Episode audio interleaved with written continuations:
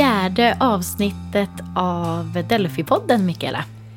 Ja, idag ska vi ju prata om någonting som är väldigt högaktuellt och det är ju influencer marketing och det är ju faktiskt just nu en pågående process som är i Patent och marknadsöverdomstolen som vi ska prata om i det här avsnittet.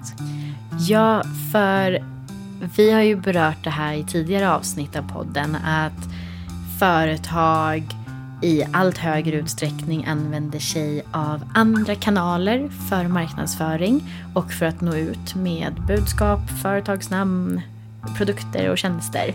Och en av de här kanalerna är ju Sociala medier. Och influencers finns på Ja. sociala medier. Och just därför så kommer vi i det här avsnittet att särskilt titta på frågorna vilket ansvar företag har när det kommer till samarbeten med influencers. Den här gränsdragningsproblematiken kring vad i influencers inlägg som faktiskt utgör reklam. För det kan ju faktiskt vara en väldigt svår fråga. Är det här någonting personligt? En personlig åsikt som influencern faktiskt står för? Eller är det här ett samarbete? Exakt. Och om det väl är så att det rör sig om reklam, hur måste den här reklamen markeras?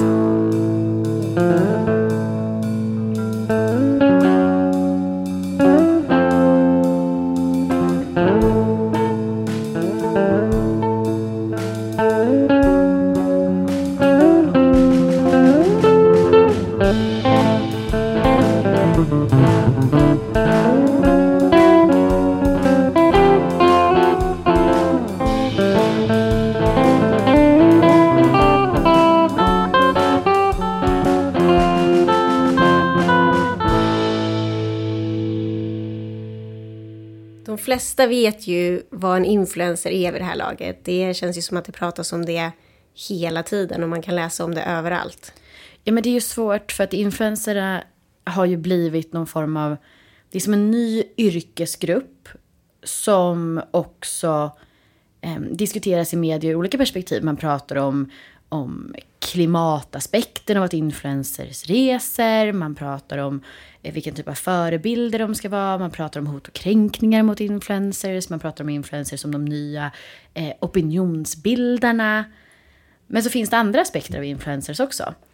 Ja, och det är ju det vi ska prata om lite idag när det just är influencer marketing. Och det handlar ju just om att man faktiskt påverkar sina följare med just marknadsföring. Man marknadsför eh, en produkt eller ett företag på sina kanaler. Ja men precis och det, det blir ju som att man... Ehm, hela grundtanken den är ju otroligt rimlig. Det här har man ju gjort tidigare också. Att man till exempel använder kända personer i reklamfilm. Eh, om man tittar tillbaks några år. Och nu istället så tar man personer som har extrem, extremt stora träffytor. Eh, många följare, eh, mycket eh, möjligheter att påverka till exempel köpbeteenden hos folk. Och sen så placerar man exempelvis en produkt hos de här personerna för att nå ut till deras eh, följare. Ja, och det som är väldigt viktigt och det som vi kommer prata om idag, det är ju att det är i princip exakt samma regler som gäller även för en influencer som om man skulle ha en vanlig reklamfilm. Ja, och om man tittar på eh, marknadsföringslagens uppbyggnad så består ju den av tre allmänna huvudregler kan man säga. Och då är det ju att marknadsföringen ska stämma överens med god marknadsföringssed.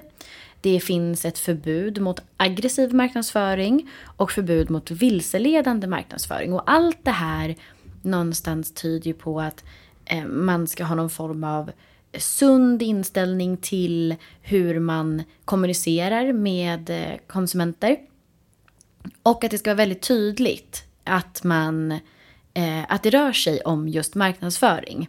Att man får inte luras, man får inte eh, påtvinga utan att det ska vara någon form av måttlighet i det.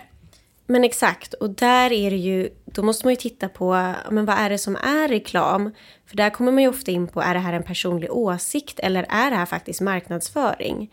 Och då säger ju själva lagregeln att det är reklam och andra åtgärder i näringsverksamhet som är ägnade att främja avsättningen av och tillgången till produkter både före, under och efter försäljning eller leverans av de här produkterna. Och vad betyder då egentligen det? Ja, nej, men det handlar just om att man måste titta på syftet med det här inlägget då, om det är en influencer. Är syftet personligt, som någonting som den här influencern faktiskt tycker själv? Eller är det här någonting som man faktiskt eh, marknadsför och får betalt för att göra?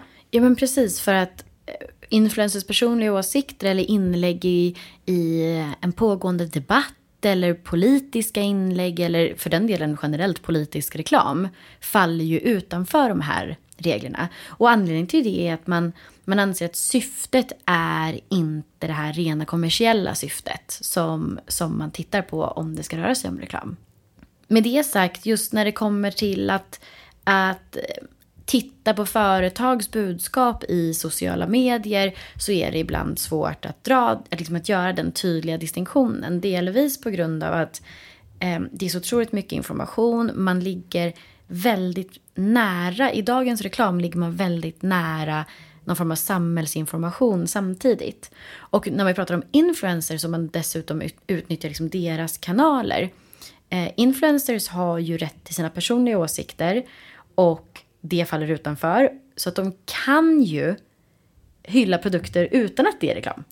Ja, och det är ju, det ser man ju hela tiden. Man kan man tycker att en mascara är jättebra och lägger upp att den här mascaran måste ni prova. Och det kan ju vara någonting som den här influensen faktiskt tycker och det är ens personliga åsikt och har inte eh, med just reklam att göra. Ja men precis, och ett, ett bra exempel på det är ju när influencers, vilket ofta händer, får så kallade gratis varuprover från företag och väljer att skriva om det. Ja, och det har ju varit, det, där tycker jag att det är väldigt hårfin linje på vad som faktiskt är reklam.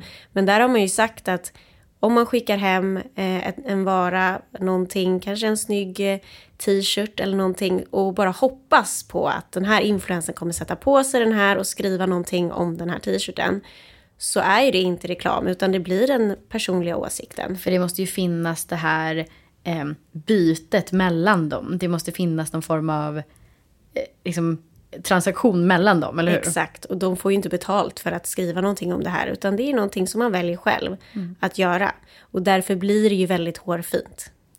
Ja, och sen så finns det ju den mer då tydliga eh, exemplet, vilket är när influencers nämner en produkt eller ett företag mot ersättning. Ja, och där är ju det som man ser ofta. Nu har ju på Instagram till exempel kommit med att man kan lägga högst upp i samarbete med och så skriver man företaget. Så det ser man ju mer och mer att influencers använder sig av. Men det här leder ju oss in på den stora frågan egentligen för det här poddavsnittet. Vilket är om reklamidentifiering och sändarangivelse. Ja, och det handlar just om reklamidentifiering är ju att man måste visa att det här är reklam. Och sändarangivelse så måste man förklara vem det är som, eh, som man gör reklam för. Och det blir ju just det som vi pratade om i det här Instagram-inlägget så kan du då genom att ha det högst upp där så blir det ju ganska tydligt att det här är i samarbete med ett företag och sen vilket företag det är. Men för så här tydligt var det ju inte innan. Eh, och vi kommer snart börja prata lite om aktuella rättsfall på det här området. Men, men så här tydligt var det ju inte innan. Då hade de flesta tjänster inte möjligheten att reklammärka eh, inlägg på det här sättet. Utan då var du tvungen att göra det själv. Vilket inte har gjorts. Nej, och där har vi ju reklamombudsmannen som hela tiden prövar just de här frågorna. Ja men precis. Eh, reklamombudsmannen är ju näringslivets självreglering som verkar för att det ska finnas en hög etisk nivå i all kommersiell marknadskommunikation som riktas mot den svenska marknaden. Och de här prövningarna, eh, precis som du säger, reklamombudsmannen är ju en stiftelse, vilket betyder att det här är ju ingen myndighet. De kan inte döma någon eller eh, kräva eh, viten eller skadestånd eller liksom så. Men vad de gör är att de baserat på eh, ICCs regler, som är internationella handelskammarens regler för reklam och marknadskommunikation, så fattar man vägledande beslut. Så att man får in anmälningar till exempel och sen baserat på dem så gör man en bedömning om det rör sig i första hand om reklam i huvud taget. Det avvisas väldigt många anmälningar just för att på grund av den, det formatet som reklamombudsmannen har så måste de vara väldigt, väldigt säkra på att det faktiskt rör sig om reklam. Annars är det någonting som måste prövas av rättsväsendet om det är oklart. Så då avvisar man.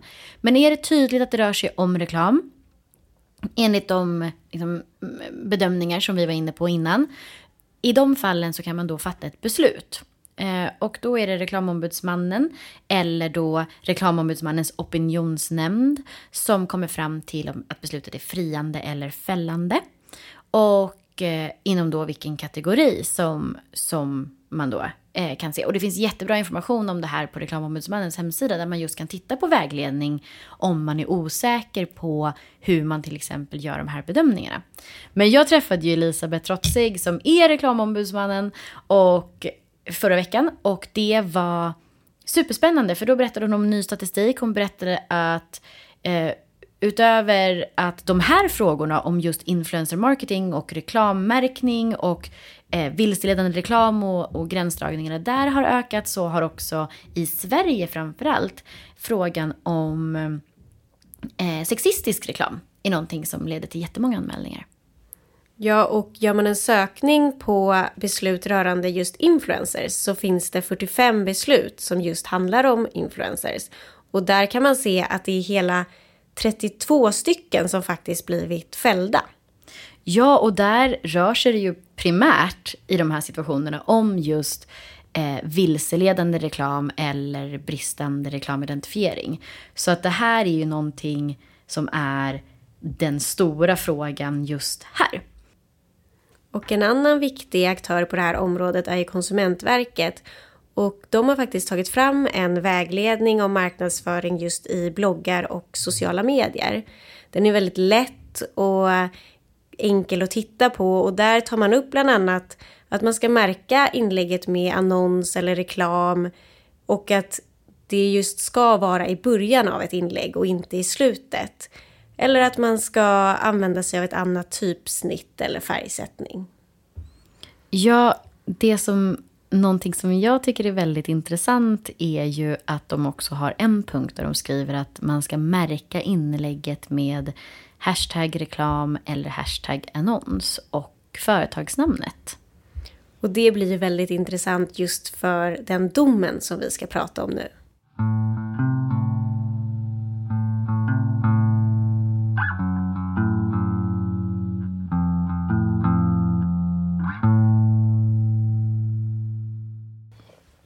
På det här området så finns det ju egentligen bara ett mål om man pratar om influencer marketing. Och extra intressant blir det ju att just det här rättsfallet står ju inför prövning av Patent och marknadsöverdomstolen. Och då pratar jag ju såklart om Kissy-målet. Ja, och i det här målet så handlar det just om att influensen Kissy, som har väldigt många följare, har gjort två stycken blogginlägg och ett eh, Instagraminlägg. Och då har hon ett samarbete med bolaget Mobilåtervinning och ska då marknadsföra deras tjänster. Och i det första blogginlägget så har hon, det enda som finns med i det här blogginlägget är egentligen att längst ner på sidan så står det inlägget är i samarbete med. Men det står inte med vem och det står också längst ner så man behöver läsa hela inlägget för att faktiskt förstå att det här kanske är ett samarbete.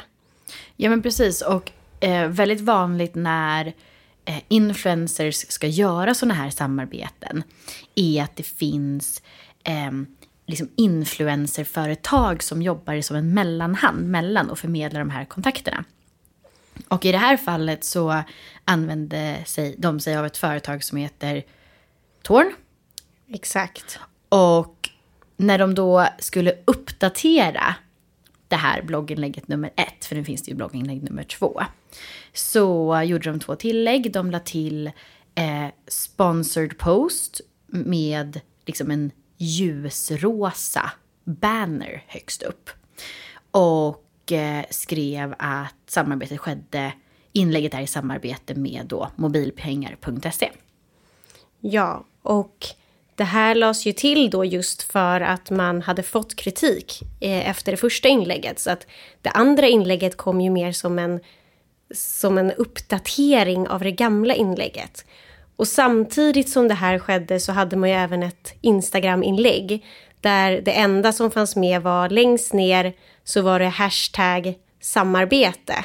Men och det här var, är ju väldigt vanligt. Det här var ju det vanligaste sättet, tycker jag i alla fall, förut, framför allt på Instagram, att markera just samarbeten. Och här finns det ju ett problem. För att det som man bedömer är ju någonstans frågan om att man ska få liksom eh, kännedom om att det finns ett reklamsamarbete här eh, vid en flyktig anblick. Och på Instagram så är det ju väldigt ofta så att man bara ser, i alla fall nu, en bit av texten. Och så får man klicka på läs, läs mer. mer. Exakt.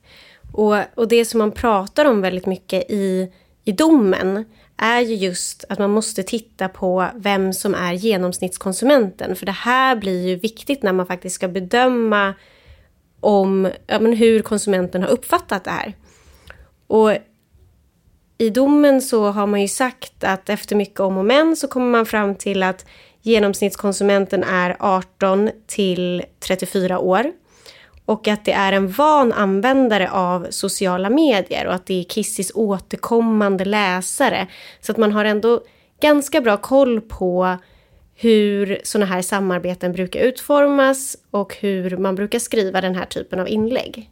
Och visst är det så att de, det man också säger är ju att eh, sådana här användare är ändå väldigt vana. Exakt. De är vana att identifiera reklam. Så att eh, även flyktiga eh, anblickar av material, man är medveten om att reklam finns och att reklamen, eh, reklaminlägg är vanliga. Så att man har ganska god kännedom om det. Exakt, det man säger är att de är något mer uppmärksamma än vem som helst, en vanlig konsument.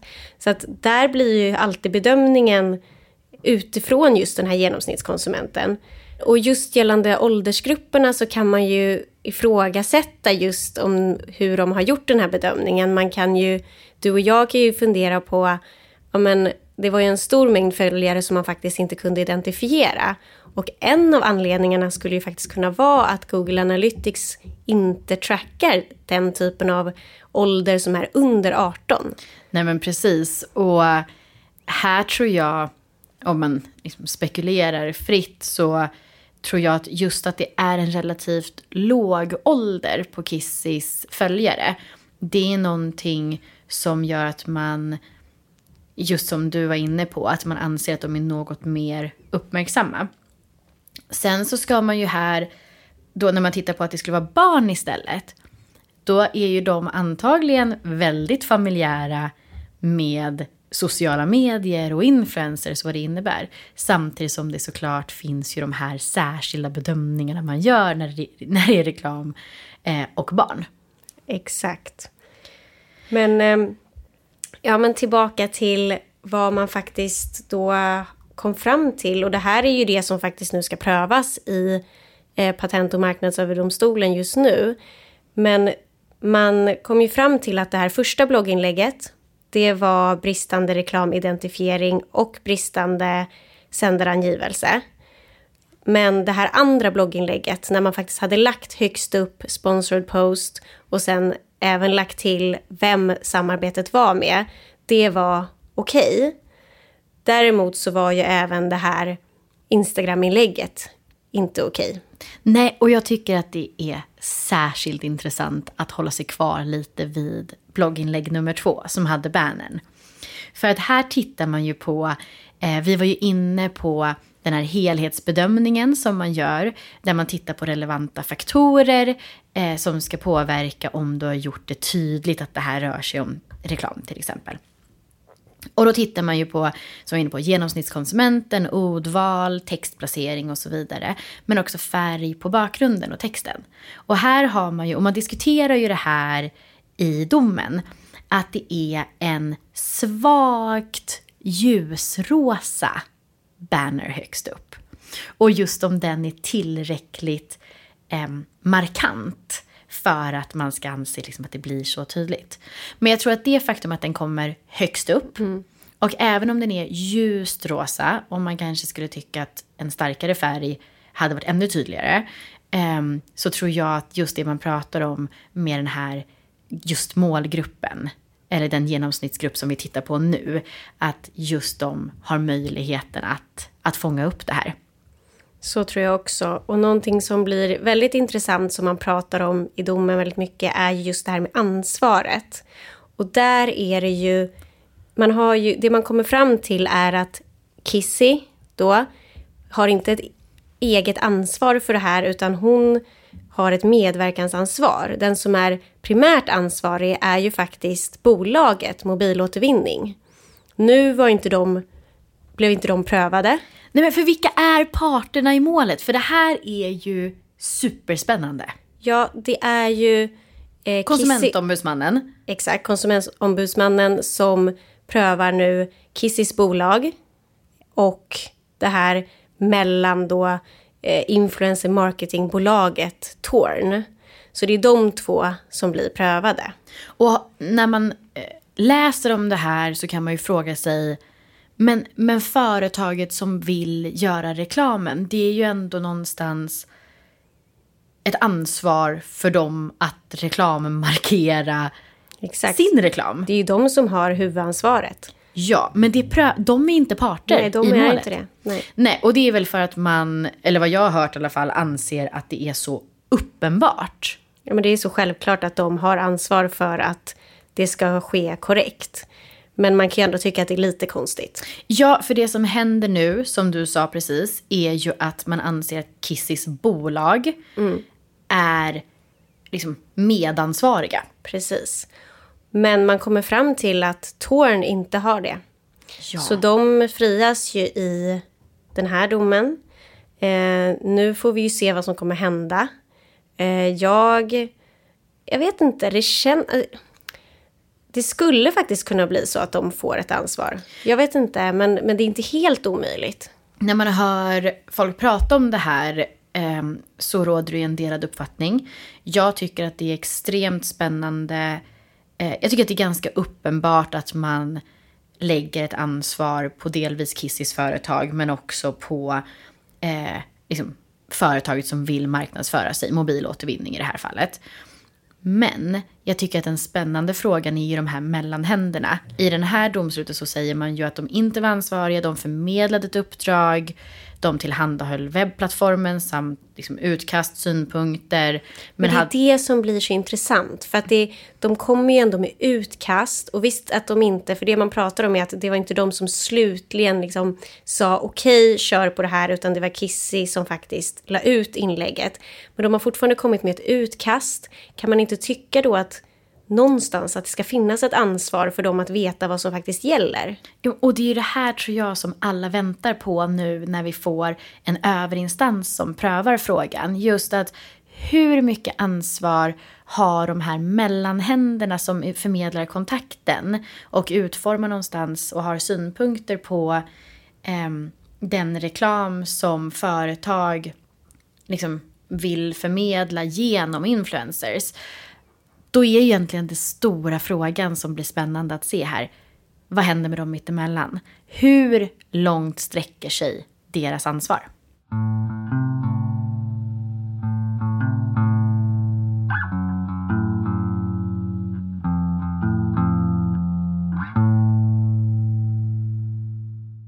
Sen så finns det ju lite andra eh, lagar och regler som man kanske bara ska ha i bakhuvudet när man ja. jobbar med influencers. Och delvis så är det ju en lag som är väldigt kort som heter lag om namn och bild i reklam. Och egentligen så säger den att näringsidkare som eh, vid marknads, marknadsföring av varor och tjänster eh, inte får använda sig av någons namn eller bild utan att eh, man har fått deras samtycke. Och här finns det ju, vi pratade om det här exemplet i första avsnittet, men jag tänker att det är ett bra exempel att eh, påminna om ifall man inte också har lyssnat på vårt första avsnitt.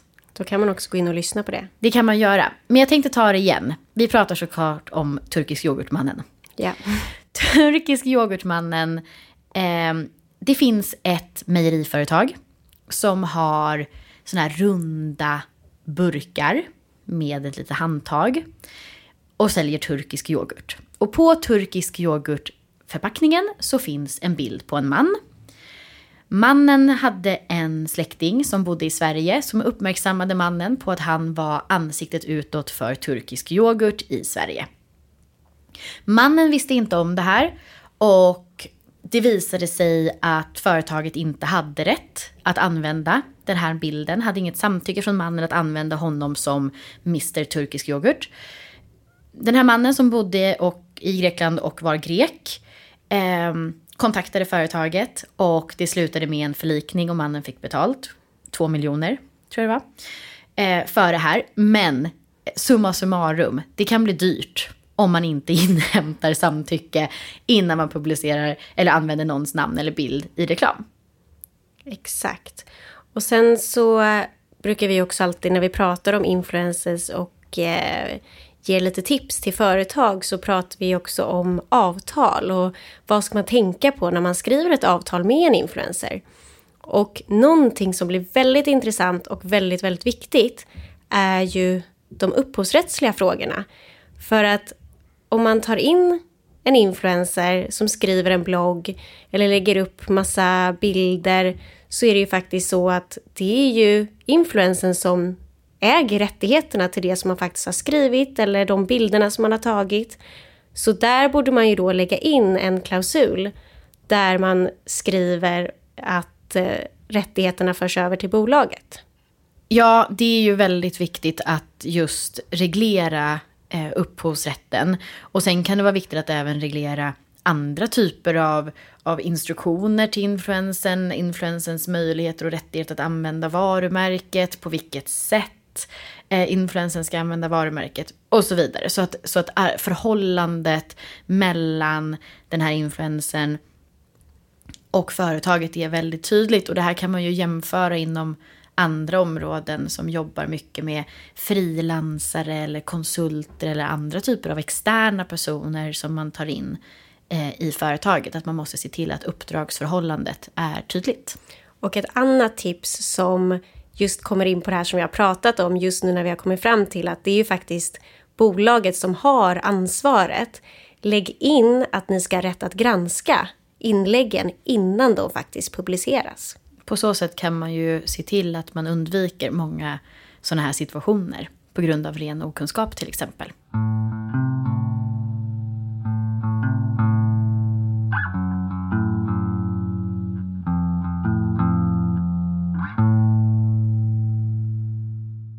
Nu ska vi ha vårt stående inslag där vi kommer med fem praktiska tips.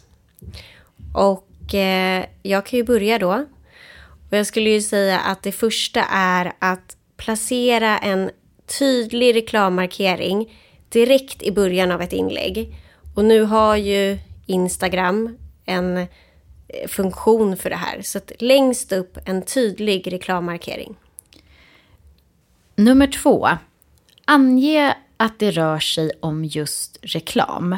Det är viktigt här med terminologin och man pratar om att man ska använda sig av tydliga indikation på att det rör sig om just reklam. Så använd reklam, annonssamarbete, annons. Men det behöver till exempel inte räcka att skriva sponsrat inlägg. För det skulle kunna vara för otydligt för den gruppen att förstå att det faktiskt rör sig om reklam. Och sen så kan jag ta som nummer tre att det kan vara bra att använda sig av en annan färg eller ett annat typsnitt så att det tydligt framgår. För där har vi ju det här med flyktig kontakt. Det ska bara vid en snabb anblick kunna ses att ja, men det här, det är reklam. Och på den här, som nummer fyra, så tycker jag att det kan vara viktigt att, att påminna om att de flesta sådana här situationer där man pratar om att det har blivit fel vid de här liksom, reklaminläggen. Det är ju inte nödvändigtvis att någon vill lura eller att undanhålla att det rör sig om reklam. Utan det kanske är okunskap och inte tillräckligt tydlig information tillgänglig tidigare i alla fall kring vad som gäller. Så ta fram interna policies och utbilda internt. Utbilda dig i de här frågorna och se till att det finns tydliga vägledningar för hur ni som företag arbetar när ni just eh, kopplar in influencers. Och som sista punkt så fundera på andra lagar och regler som gäller. Till exempel om det krävs ett samtycke enligt eh, lag om namn och bild i reklam. Och sen, som vi också sa, ha bra avtal. Vill du komma i kontakt med oss eller ha frågor rörande Delphi-podden så finns vi på sociala medier. Facebook, Instagram, Twitter och LinkedIn. Där heter vi advokatfirman Delphi. Du kan självklart också mejla oss, mig eller på antingen angla.eklund.delphi.se eller mikaela.hamilton.delphi.se. Sen finns det självklart all information på vår hemsida www.delphi.se